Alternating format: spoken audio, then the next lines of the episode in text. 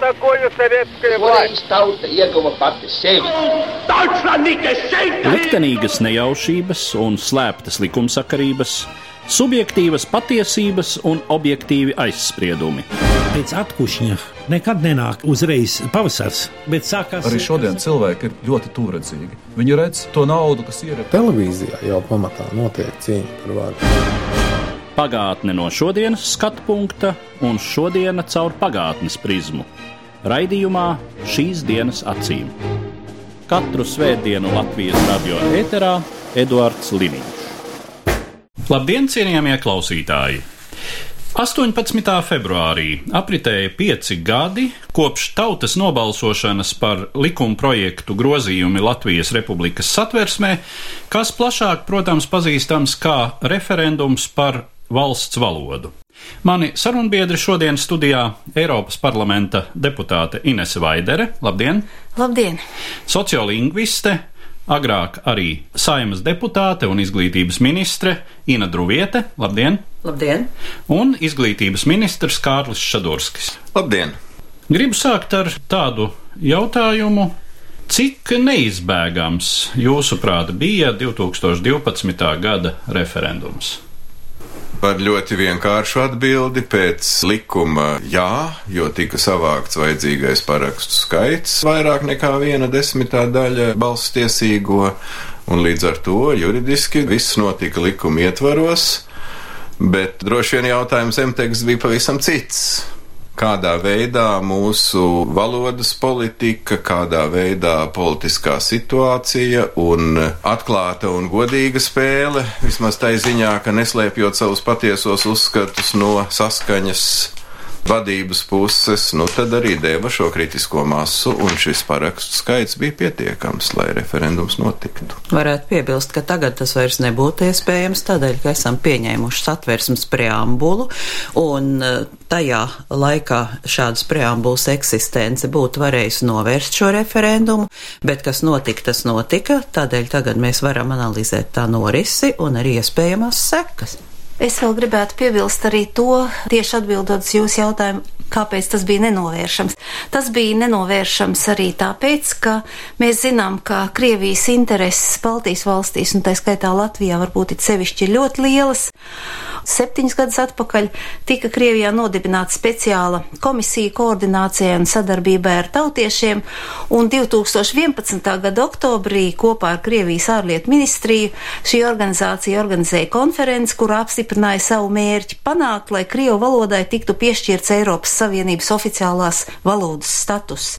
Ja oficiālās valodas status tiktu piešķirts Krievu valodai Latvijā, tad tā kļūtu arī par oficiālo valodu visā Eiropas Savienībā, un Latvija tika izraudzīta kā tas vājākais posms varbūt sakarā ar mūsu īpašo etnisko kompozīciju, kad latvieši ir tikai nedaudz vairāk par 60%, un pārējie iedzīvotāji ir vai nu krievi, vai pietiekami daudz ir arī krievu valodā runājošo cilvēku, kur tautība ir patiesībā arī cita.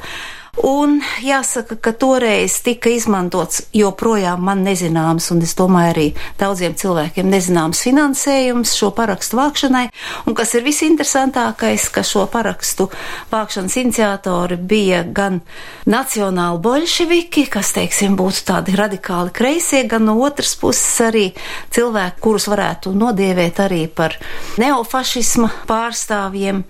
Beigās, protams, pievienojās arī prokremliskās partijas saskaņa pārstāvji, tā kā acīm redzot šīs mūsu kaimiņu valsts intereses bija tik lielas šajā laikā, iegūt šīs oficiālās valodas statusu Krievu valodai, ka es domāju, ka šai ziņā tiešām šis referendums bija nenovēršams.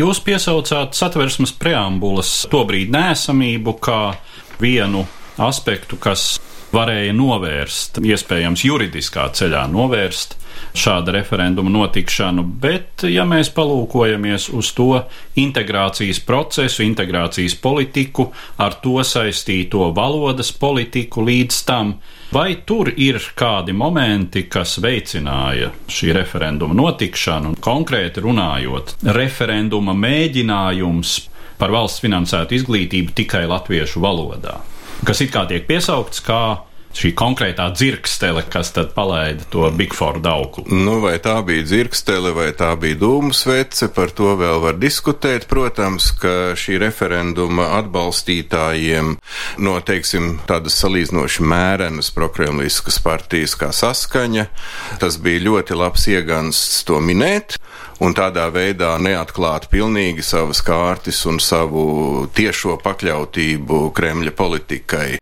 Bet es domāju, ka ja nebūtu bijis šī epizode, tad tiktu meklēta cita, varbūt mazāk veiksmīga nosacītā dzirkstele.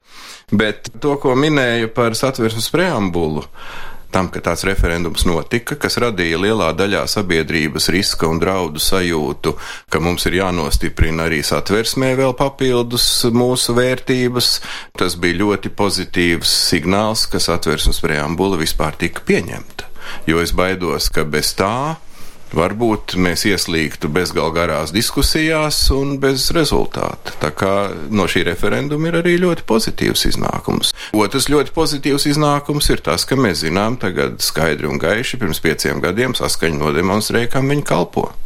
Jā, un arī, ka latviešu tautai tomēr valoda ir nozīmīga lieta, jo tāda aktivitāte kā šajā referendumā un arī tāds iznākums, ka trīs ceturdaļas vairāk cilvēku nobalso par to, ka latviešu valodai ir jāpaliek vienīgajai valodai Latvijā.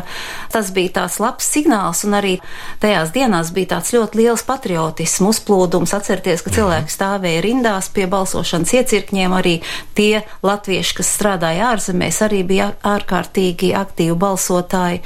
Tātad tas referendums, protams, pavērsās pret šī referenduma rīkotājiem, un, un šī ideja ar tik pārliecinoši noraidīta par otru valsts valodu, ka var teikt, ka tiešām tas bija pozitīvs iznākums. Nu, beidzās visas runas par to, ka mums taču jādod saskaņai iespēja, mums jāņem saskaņa valdībā un tā tālāk un tā joprojām, un referendumu līdzdalības koeficients bija ļoti augsts, ja atmiņa neviļ, tas bija pāri pa 70% balstiesīgo, kas ir ārkārtīgi labs tas rezultāts. Ir.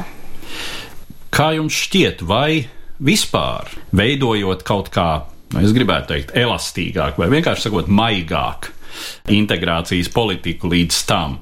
Varbūt varēja izvairīties, ja ne no referenduma kā tāda, tad, teiksim, no šīs krasās pretstāves. Es domāju, ka no pretstāves daudzos jautājumos izvairīties nav iespējams, un varbūt, ka nav no tā jātaisa ārkārtīgi liela traģēdija, jo, ja runā par šo valodas referendumu, es ļoti labi varu saprast tādā sadzīves līmenī krievus, kas, protams, būtu tikai priecīgi, ja viņu valodai ir papildus status, tātad mazāk nepieciešamības piepūlēties un mācīties latviešu valodu. Bet cita lieta ir, ja to dara amatpersonas, kam tomēr ir jābūt redzējumam par valsts nākotni, par šīs valsts sūtību un šīs valsts vērtībām. Man vienkārši mazliet nesaprotams liekas jautājums. Jūs vaicājāt, Liniņa kungs, ka ja reforma būtu vai integrācijas process būtu maigāks, es nezinu, nu kā vēl maigāks, nu kur nu vēl maigāks mums tiešām cilvēkiem, lai kļūtu par pilsoņiem, ir tik minimālas prasības, minimāli cienīt tās valsts valodu un apgūt to pamatos, kur dzīvo, zināt mazliet tās vēsturi. Es nezinu nevienu otru Eiropas Savienības valsti, es nezinu, varbūt jūs man pat pateiksiet, kur vēl iebraucēji imigranti, kas ir ieradušies šeit okupācijas laikā, var tikt apkalpot savā valodā, veikalos, aptiekās, pie ārsta, visur, kur ir oficiāls televīzijas un radio pārraides šajā valodā, kas ir, teiksim, bijušās okupētāja valsts valoda.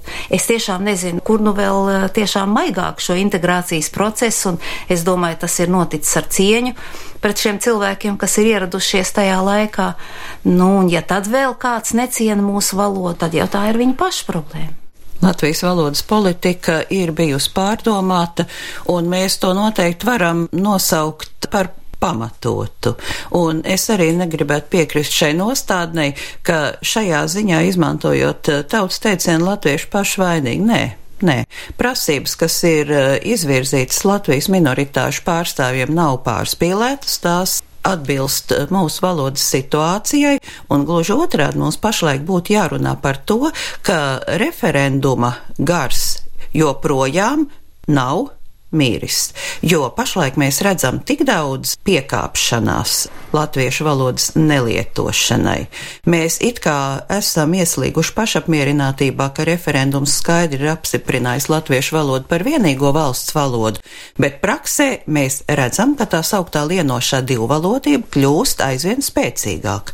Minēšu kaut vai dažus piemērus. Atcerēsimies, ka pašreiz ir iesniegt priekšlikumu atvieglot latviešu valodas prasības investoriem gan sazināties saziņā ar valsts ieņēmumu dienestu, gan arī dažu turismu industrijas pārstāvju vēlmi visu Latviju pārvērst par vienu lielu turismu objektu, izvietojot uh, uzrakstus ne tikai angļu, bet arī krievu valodā. Tātad aizmirstot, ka krievu valoda nav tikai 11% turistu valoda, kas tad cits tas būtu, ja ne divvalodības legalizēšana. Mums priekšā ir arī ļoti nopietna saruna par mēģinājumiem latviešu valodu izspiest no augstākās izglītības. Tas nav pieļaujams un regulāri veicot pētījumus, pierādījies, ka aizvien samazinās to latviešu skaits, kas uz latvisku uzdotu jautājumu atbild latviešu valodā. Šie skaitļi ir pietiekami satraucoši, un tādēļ nebūt nedomāsim, ka tad, ja referenduma rezultāts ir bijis latviešu valodai pozitīvs, ja mums ir šīs atvērsmes preambula, viss ir kārtībā. Nē, nav kārtībā, un mums ir jārunā par to, ka šis latviešu valodas kā vienīgās valsts valodas status nebūtu, nav tik drošs. Jā, komiski, tu pieminēji Jelgavu, man dzimto pilsētu. Es tiešām sasmējos par to, ka attaisnojums, lai būtu uzraksts Krievu valodā dzelzceļa stacijā, tika izskaidroti ar turismu pieplūdumu. Tiešām tas bija gan pazemojoši, gan arī smieklīgi šādu argumentu minēt. Bīstam nu, ir šī piekāpšanās tieši, nē, nē, nu, un atsevišķu cilvēku. gadījumu absolutizēšana, jo mēs visu laiku dzirdam motīvu, šoreiz jau vāri, tā jau ir tikai uzņēmēja darbība, tā jau ir tikai augstākā izglītība izglītību. Tas jau ir tikai viens cilvēks, kurš pateiks, kur ir šī robeža. Mums būtu jābeidz pretstatīt latviešu valodu un uh, ekonomikas attīstību, latviešu valodu un izglītības kvalitāti, Viss ir sabalansējams, un uh, Latvijas valodas politika par to ir pietiekami skaidri formulējusi viedokli. Piekāpšanās nenodrošinās tos mērķus, ko mēs vēlamies nevienā un, ne otrā ziņā. Un šeit ir arī ļoti būtisks pašvaldības viedoklis un pašvaldības nostāja. Piemēram, Rīgā mācās apmēram trešā daļa Latvijas skolēnu. Pēc 2004. gada mazākumtautību izglītības reformas, ko mēs veicām ļoti veiksmīgi un ļoti pārdomāti, nākamos gadus varēja redzēt ļoti pozitīvu tendenci, ka būtiski pieauga to bērnu skaits, kas no pirmās klases izvēlās apgūt programmas latviešu valodā. Protams, tā bija viņa vecāka izvēle. Un tad, kad 2009. gadā saskaņa nāca pie varas Rīgā, mēs redzam, ka šī tendence ir pavērsusies pilnīgi pretējā virzienā. Un tie jau nav nekādi normatīvu aktu grozījumi, bet tā ir tā pašvaldības politika, ko ļoti labi redz bērnu vecāki, un kur latviešu skolas infrastruktūrā tiek ieguldīts ieguldīts ļoti maz, kur pretī skolas, kas realizē mazākumu tautību programmas Krievu valodā, tur Rīgas domas pretim nākšana ir ārkārtīgi liela. Un tas pats attiec uz pirmsskolas izglītības iestādēm, un to jau sabiedrība redz. Un katrs jau grib savam bērnam skaistu, modernu, labu skolu, kurā aug skolēnu skaits, kurā ir laba izglītības kvalitāte. Un ja tā skola izskatās bēdīgi, piemēram, Rīgas 47. vidusskola vai vienīgā latviešu vidusskola Bolderājā, Rīgas 19. vidusskola, kuras izskatās ļoti pieticīgi uz citu līdzīga izmēra 37. vidusskolas, Krievu skola, kas ir Čiekurkalnā, kura plaukst un zeļ. Tātad šeit ir arī ļoti būtiska pašvaldības loma. Nu, vēl jāpiemetina arī tas, ka mēs zinām, ka latviešu bērniem uz rindām dārziņa ir jāgaida tikmēr, kamēr viņš jau ir sasniedzis skolas vecumu un rindas ir milzīgas bet Krievu dārziņos tur ir brīvas vietas, tā kā latviešu bērni lūdzu, ja jūs vēlaties, jūs varat iet Krievu dārziņos. Es tomēr uzskatu, ka 90. gados bija lieliska augsne, lai mēs darītu to pašu, ko visas attīstītās Eiropas valstis dara, proti, ka valsts finansēta izglītība no pirmās klases ir tikai valsts valodā. Nu, pasakiet man, kurā valstī vēl ir šāda aplamība, ka mēs paši sadalām mūsu bērnus divās grupās, kas pēc definīcijas ļoti maz vai vispār nemaz nekontaktējas. Strādājot universitātē, es to ļoti labi redzu ekonomikas fakultātē, kad saņemu studentus. Ir divas daļas, ir apmēram pusi latviešu studentu, pusi studenti, kas ir beiguši Krievu skolas. Krievu bērni tiešām prot latviešu valodu labāk vai sliktāk, bet skaidrs, ka viņiem arī patīk sarunāties dzimtā valodā, un starpbrīžos šīs divas grupas ir pilnīgi nodalītas. Tur nav nekādas integrācijas. Un eh, es domāju, kāpēc, lai krievu bērni pēkšņi sāktu runāt latviešu valodā, ja no pirmās klases viņš ir separēts citā skolā kur mācību valoda pamatā ir krievu valoda. Mājās viņš runā krieviski, viņš aiziet uz veikalu, viņš runā krieviski, tur viņa apkalpo krieviski, uz aptieku tieši tāpat, arī nevalstiskās iestādēs, un faktiski arī valsts un pašvaldību iestādēs ļoti bieži nāk pretī un arī runā krieviski. Vēl trakāk es skatos, vai TV3 sevišķi bez tabū un cits raidījums, kur vienmēr krievu valodā runājošie cilvēki tiek intervēti krievu valodā. Lai gan es domāju, ka diezgan daudz spētu atbildēt arī latviešu valodā, tas atkal ir signāls. Ar minoritātēm ir jārunā krievu valodā, nevis latviešu valodā, kur pretī tajos raidījumos, kas tiek veidot krievu valodā, lielākoties nu, ir tā, ka latvieši runātai krievu valodā, un vēl trakāk, ka mūsu valsts prezidents pat ieteica valsts amatpersonām, nu kur nu vēl tālāk runāt Krievu valodā ar krieviski runājošiem iedzīvotēm. Tas ir, manuprāt, vispār ļoti kliedzošs fakts. Un, lai nu kam, bet prezidentam un valdības pārstāvjiem un arī ierēģiem nu vajadzētu cienīt savu valodu un runāt savā valodā. Palasīsim jebkuru pētījumu, ko Latvijas sociolingvisti ir publicējuši jau kopš 90. gadiem. Ikvienā pētījumā tiek atkārtots, ka tieši tas, ka latvieši bez vajadzības atsakās no savas valodas lietojuma, ir galvenais šķērslis pilnvērtīgam valsts valodas statusam. Tas ir teikts rītā un vakarā, un tas tik tiešām ir ārkārtīgi svarīgi, lai mūsu valsts amatpersonas lietot valsts valodu saziņā ar savus valsts plašsaziņas līdzekļiem, un neformālā komunikācijā, lai ik viens latvietis apzinātos, ka tieši no tā, kāda būs viņa attieksme, arī būs atkarīgs tas, kur valoda dominēs publiskajā telpā. Un man ir pilnīgi nepieņemami nevis valsts prezidenta, bet viņa paspārnē izveidotās liesmas osas vadītās komisijas atzinums, ka latviešiem pēc iespējas vairāk jācenšas runāt krievu valodā, ka latviešu jaunieši jūtoties nelaimīgi par krievu valodas neprasmi. Lūk, šis ir visbīstamākais jautājums mūsu valodas politikā, un tas nav regulējams ar oficiāli izdotiem normatīviem aktiem. Tā ir katra cilvēka aktīva nostāja, bet es vēl un vēlreiz uzsveru, ka valsts amatpersonām ir jārunā tikai valsts valodā, izņemot īpašus apstākļus, un kamēr mēs to nesapratīsim, tikmēr pastāvēs šī krievu valodas lingvistiskā pašpietiekamība, un tikmēr šī lienošā divvalodība joprojām būs realitāte. Bet kā jūs domājat, vai šajā komisijā tiešām nesaprot cilvēki, ka integrācija var notikt tikai uz valsts valodas bāzes, vai arī tā tiešām ir kaut kāda ļaunprātība vai uzdevums? Tas tiešām man paliek atklāts jautājums. Tā ir pārliecība, bet arī pārliecība uz nepietiekam zināšanu pamata, jo šie cilvēki, kas tik ļoti iestājas par Krievu valodas lietojumu paplašināšanu publiskā vidē, nav lasījuši nevienu nopietnu pētījumu, nav speciālisti valodas politikā, viņu argumentācija ir man tā šķiet, man tā ir ērtāk, es gribu būt pieklājīgs, latviešu valodā jau nekas nenotiks.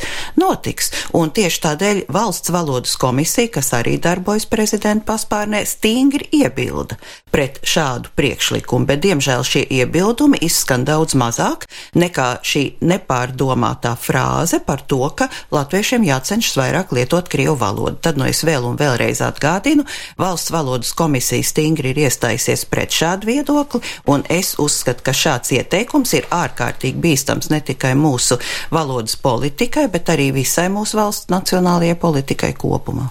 Es pieļauju, ka tas jautājums, ko tad viņi nesaprot, ir uh, lielā mērā attiecināms arī uz mani. Man ir vienmēr bijusi tā izjūta, ka integrācijas procesā primārais kritērijs ir lojalitāte. Lojalitāte valstī.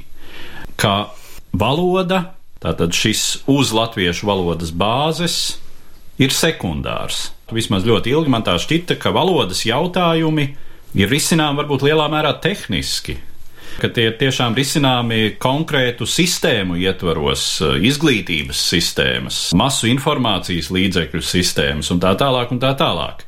Un ka tiem nevajadzētu kļūt par integrācijas kritēriju tādā nozīmē, ka latviešu valodas lietošana vai nelietošana ir primārs lojalitātes kritērijs. Ziniet, es gan teikšu, ka jā, tāpēc, ka valoda nav tikai komunikācijas līdzeklis, tikai instruments, tā ir arī identitāte, un asā valoda konkurences situācijā nošķirt lojalitāti valstī no lojalitātes pret tās valodu nav iespējams. Un vēl nejauksim valodas prasme ar valodas lietojumu. Valodas prasme vairs nav problēma, bet problēma tiešām ir latviešu valodas nelietošana gan oficiālā, gan neoficiālā komunikācijā, un eh, ņemot vērā vērā kaut vai valodas runātāju skaita atšķirības visā pasaulē, mums nav tiesība viegliprātīgi izturēties pret latviešu valodas lietošanu un vēl jau vairāk to pretstatīt lojalitātei pret valsti.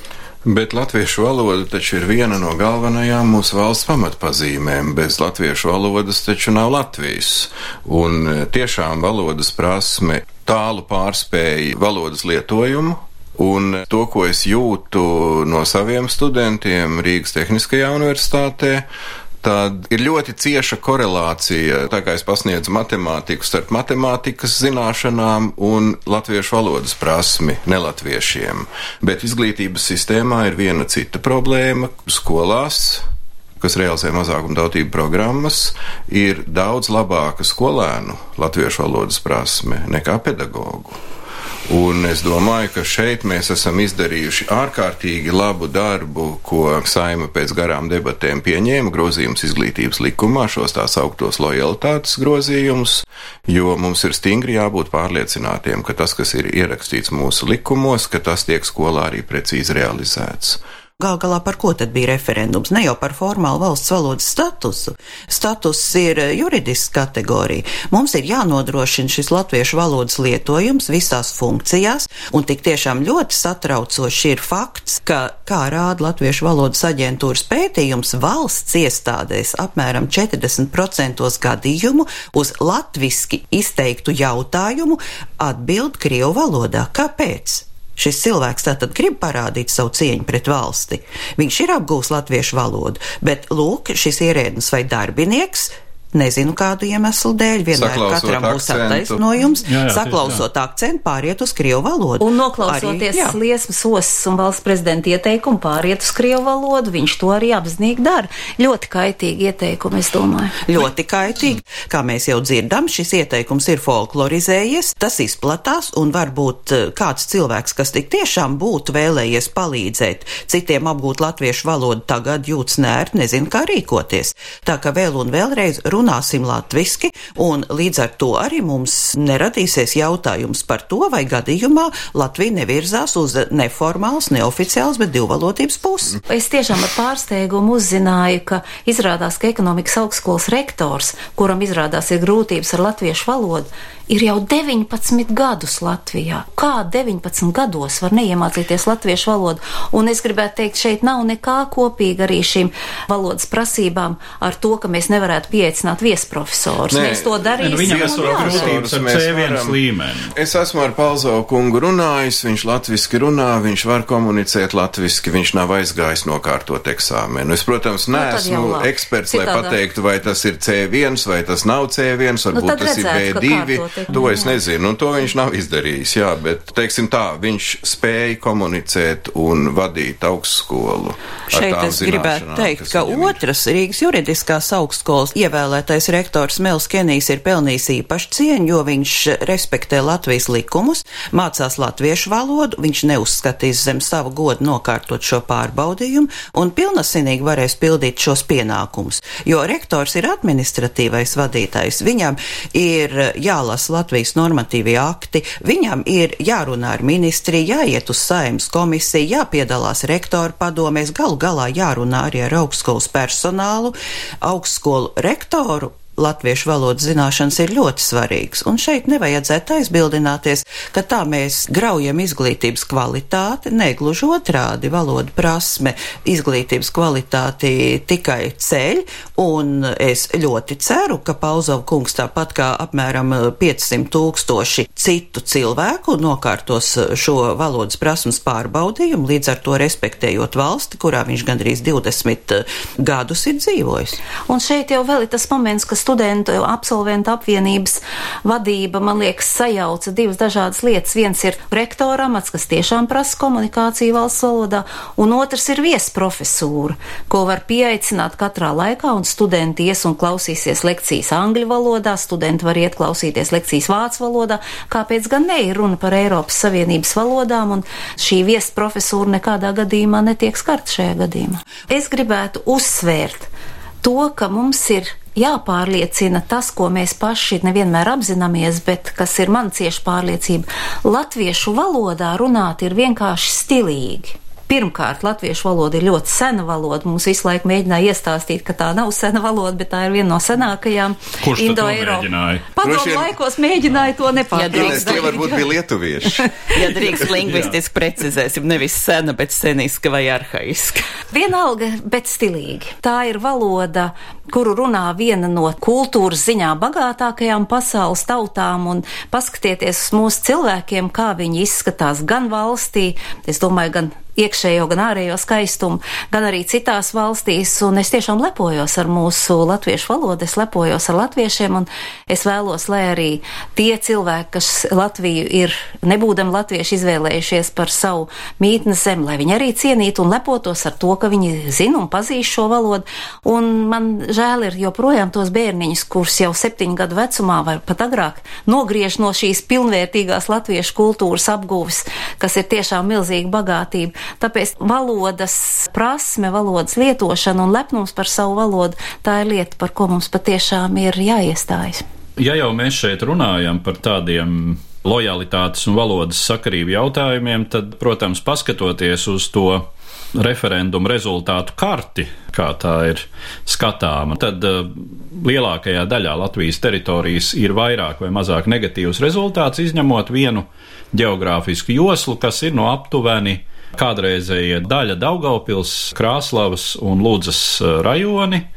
Tātad Latvijas dienvidu austrumu stūris, Krievijas, Baltkrievijas pierobežā un vēl Daugopils un Rēzeknes pilsētas. Un, protams, pirms pieciem gadiem es pats sauktu par paranoiķi un eh, histērijas kurinātāju ikvienu, kurš tādu asociāciju piesauktu, bet mēs zinām, ka Ukrainas dienvidu austrumi, un tur arī ir, viens no iemesliem, ir, lūk, krievu vai krieviski runājošo, lai gan, nu, Ukrainā tas ir ļoti nosacīti.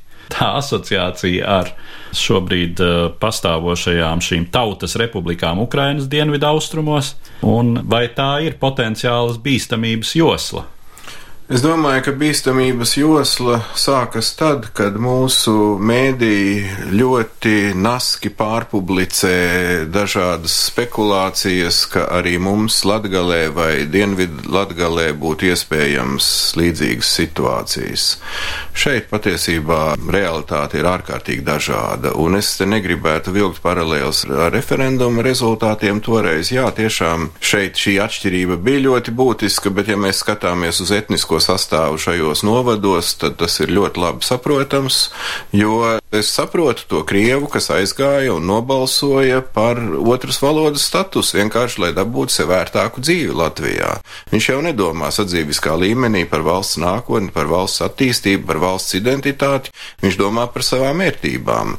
Bet daudz problēmu, kas mums ir saistītas, piemēram, ar situāciju Latgalē, kaut vai latviešu mēdīju pieejamība, kvalitāte, satura kvalitāte un vispār mūsu mēdīju satura kvalitāte lielā mērā. Jo tiklīdz kā parādās kāds izteikums, ka Doņetskas scenārijs var atkārtoties arī Latvijā, izējiet cauri visiem portāliem, visi ir pārpublicējuši šo ziņu. Es arī gribētu mūsu sarunu rezumēt ar tādu tēzi, ka Nu jā, mums ikvienam, kas referendumā piedalījās un balsoja šajā gadījumā pret, to uzstādīto jautājumu. Tātad par latviešu valodu kā vienīgo ir jāsaprot, par ko tad mēs esam nobalsojuši un kas no tā izriet. Un ka, ja jau tajā referendumā esam balsojuši tā, kā balsojām, tad nav pilsoniski pareizi sagaidīt, ka valodas ziņā mūs sargās ar vien bargāki likumi un vēl kaut kādi policeiskāki līdzekļi no valsts puses, kā tā sargāšana un uzticības atversme ir jāīsteno ikvienam un katrā situācijā. Ar to tad es arī gribētu noslēgt mūsu šodienas sarunu, un es saku paldies maniem sarunbiedriem, Eiropas parlamenta deputātei Inesei Vaiderei, Paldies! sociolingvistei Inai Druvietei Paldies! un izglītības ministram Kārlim Šadurskim. Paldies! Katru svētdienu Latvijas radio viens par pagātni sarunājas Eduards Liniņš.